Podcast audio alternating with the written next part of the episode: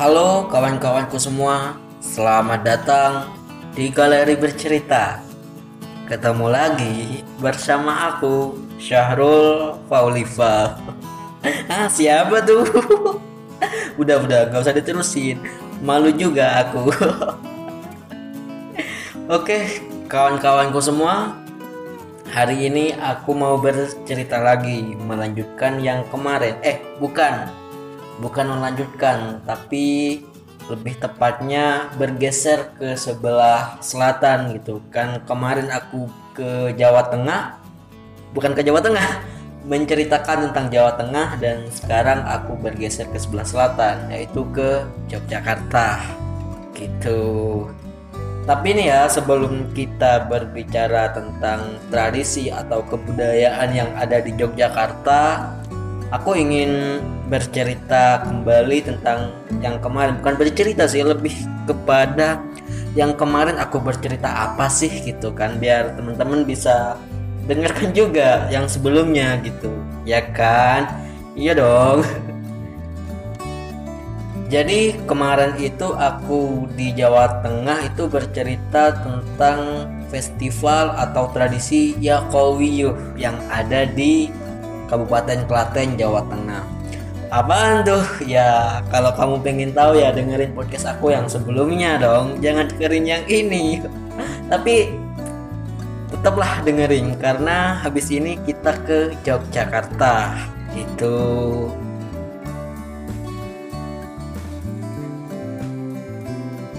dan buat teman-temanku kalau kamu sekarang lagi beraktivitas misalnya lagi nyapu lagi ngepel lagi nyuci lagi bersihin burung lagi apa saja ya aktivitas kamu ya tetap dilakukan gitu. Karena ya karena ya terserah kamu mau dilakuin apa enggak gitu kan. Atau ya terserah kamu karena kalau dengerin podcast itu kamu bisa sambil beraktivitas. Misalnya seperti aku ini sambil ngopi-ngopi gitu ya nggak apa-apa. Yang penting dengerin lah gitu.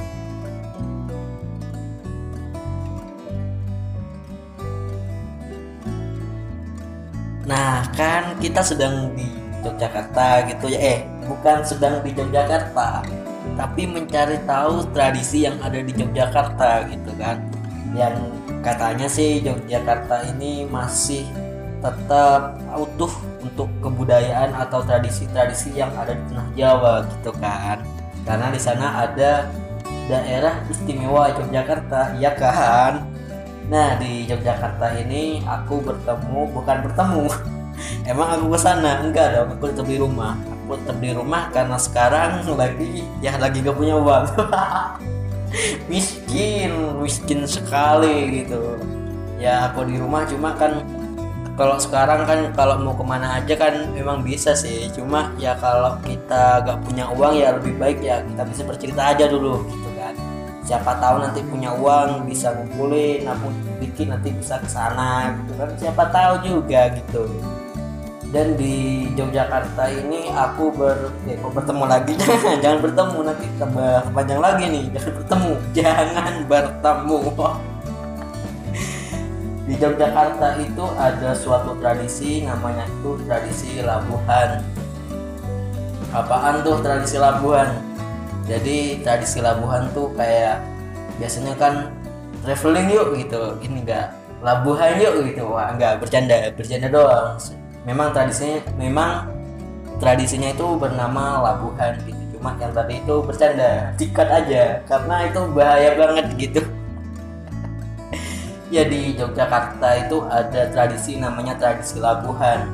Dan tradisi labuhan ini dilakukan oleh atau dilaksanakan oleh masyarakat yang ada di Yogyakarta. Iya dong, nggak mungkin namanya tradisi Yogyakarta dilakukan oleh masyarakat yang ada di Jawa Timur. Nggak mungkin banget, nggak mungkin gitu kak. ah, anda ini terlalu serius gitu. Jadi tradisi Labuhan ini tradisi yang dilaksanakan oleh Keraton Diningrat dengan tujuan memohon keselamatan Sri Sultan dan juga penduduk-penduduk keraton serta seluruh masyarakat yang ada di Yogyakarta seperti itu. Jadi itu adalah bukan definisi, bukan. Itu seperti ketika kamu labuhan itu apa? gitu. Nah itu jawabannya gitu. Karena kalau aku memberikan kata definisi itu bahaya banget. Bahaya banget. Bahayanya adalah ah kok terlalu formal banget? gitu kan. Padahal aku nggak pengen formal. Gitu. Dan kalau kita ngomongin mas bukan masalah ya ini bukan masalah tapi ini tradisi. Kalau aku boleh lanjut cerita dari tradisi Labuhan ini itu ada dua macam. Pertama itu ada Labuhan Alit dan yang kedua itu Labuhan Ageng. Perbedaannya apa? Ya perbedaannya adalah kalau pelabuhan kalau Labuhan Alit ini dilaksanakan setiap tahun itu tiga kali. Dan kalau tradisi Labuhan Ageng itu dilaksanakan 8 tahun satu kali di satu tempat gitu. Atau satu windu satu kali di satu tempat gitu. Atau lebih enaknya itu tiga tambah lima tahun satu kali satu tempat seperti itu. Ya sama aja ya sama aja memang. Cuma ya biar waktunya tambah panjang aja gitu. Oh ya kan tadi sudah perbedaan gitu kan kan gak enak kalau gak dibahas secara persamaannya gitu kan sudah tadi sudah perbedaannya dan persamaannya antara Labuhan Alit dengan Labuhan Ageng ini sama-sama dilaksanakan oleh masyarakat yang ada di Yogyakarta. Iya dong. Iya, itu persamaannya. Persamaannya adalah sama-sama didahului dengan kata Labuhan gitu ya.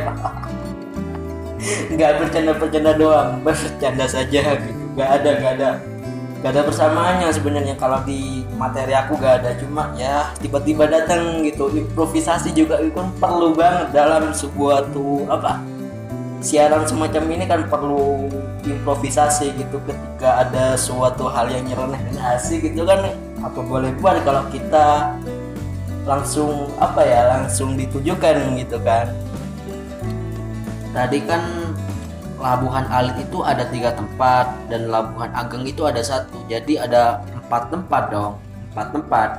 Dan pemilihan empat tempat ini tidak karena hanya iseng-iseng gitu tiba-tiba karena wah di sana tempatnya bagus. Ya udah di sana aja gitu. Nggak nggak ada kayak gitu. Jadi nggak ada nggak ada yang hanya sekedar iseng gitu pemilihan tempatnya enggak jadi memang tempatnya ini memang sudah ada peristiwanya, ada sejarahnya dan juga kepercayaan-kepercayaan yang diyakini oleh masyarakat atau penduduk yang ada tinggal, yang tinggal di keraton gitu. Jadi yang nggak ada nggak ada cuma karena iseng atau karena ingin di sana nggak nggak ada nggak ada kayak gitu nggak ada.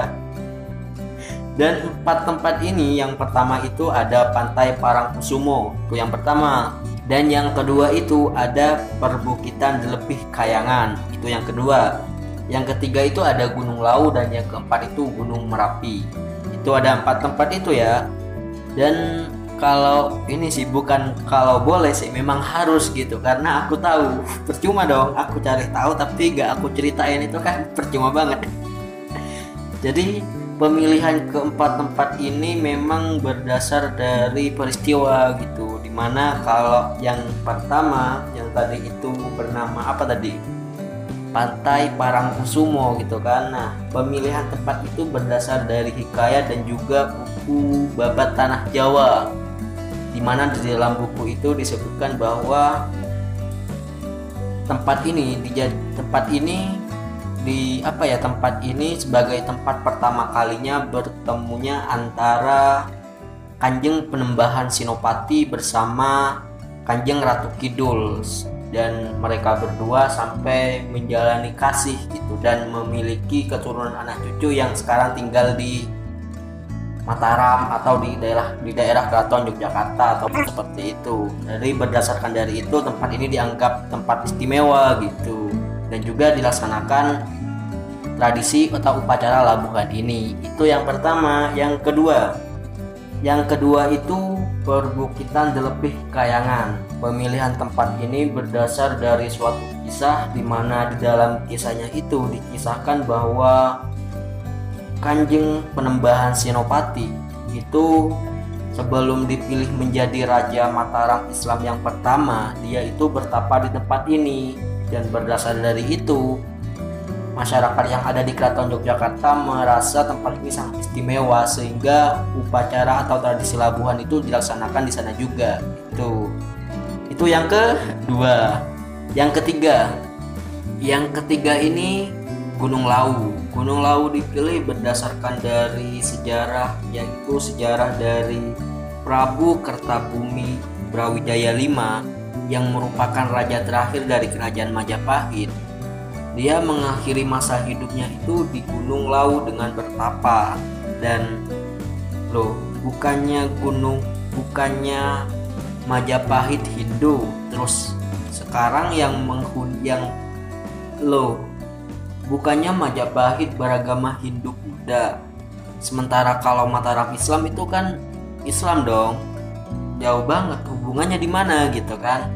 Nah hubungannya itu karena sebelum apa karena dari sejarahnya itu di dalam buku catatan sejarah itu setelah kerajaan Majapahit itu ada kerajaan lanjutan yaitu kerajaan Demak yang juga para raja-rajanya itu juga keturunan dari kerajaan Majapahit. Dan kerajaan Demak ini juga memiliki keturunan yang juga ada di kerajaan Mataram Mataram Islam yang baru ini itu jadi atas hubungan seperti itu sehingga masyarakat keraton saat ini mengang bukan saat ini masyarakat keraton Mataram Islam ini beranggapan bahwa tempat ini sangat istimewa sehingga perlu menghormati para leluhurnya seperti itu.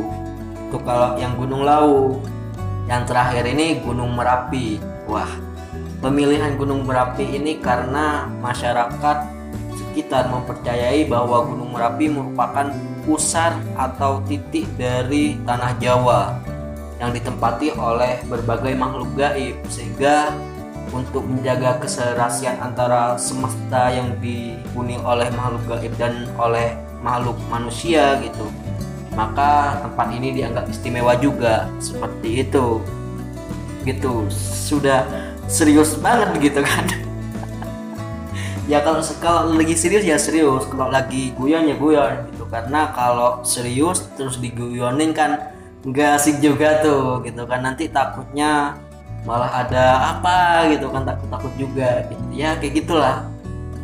Kata labuhan ini berasal dari kata labuh yang artinya itu membuang meletakkan atau menghanyutkan gitu. Nah kalau sudah membuang menghanyutkan apa dong yang dihanyutkan? Tentu suatu sesaji gitu. Tapi sesajinya ini ada dua yang disiapkan oleh para keraton maksudnya disiapkan oleh para penduduk yang tinggal di keraton yaitu sesaji berupa ya seperti apalah nanti teman-teman bisa cari sendiri gitu. Karena ya aku terbatas juga gitu nggak mungkin aku ngomongin semua. Nanti panjang lebar panjang lebar nanti lama juga gak enak juga gitu kan. Itu itu saja sih kisahnya. Cuma kalau dari tradisi ini yang dapat kita petik adalah bahwa sebenarnya memang sih iya sih ada orang yang percaya bahwa di sekitaran kita itu ada makhluk gaib gitu tapi sebagian juga nggak percaya gitu. Tapi yang dapat kita petik dari kejadian atau dari tradisi Labuan ini adalah kepercayaan mereka tentang keselarasan hidup antara alam semesta dan juga lingkungan. Keselarasan hidup jadi vertikal apa vertikal apa horizontal gitu ya nggak juga. Jadi saling berhubungan gitu sehingga untuk menjaga keserasian itu ya perlu diperlukan suatu rasa apa ya saling melengkapi seperti itu. Itu saja kisahku di kesempatan hari ini gitu ya. Kalaupun ada yang kurang mohon ditambahi dong. Iya dong. Kalau ada yang lebih ya dikurangi karena yang enak itu yang pas. Dan yang pas itu selera orang itu aku gak bisa menebak gitu. Jadi ya gitulah. Ya kayak gitu. Apalagi coba. Dan kalaupun teman dan teman-teman yang juga ingin ikut berpartisipasi menyumbangkan idenya bolehlah kamu DM di Instagramku sendiri gitu yang bernama at Syahrul Faulifa gitu. Kamu cari itu aja gitu. Nanti kalau teman-teman mau mau memberikan kontribusi berupa suatu apalah gitu kamu bisa aja bisa aja. Nanti aku gampang lah kita komunikasikan di Instagram itu. Dan terakhir itu saja terima kasih sampai jumpa episode berikutnya. Dah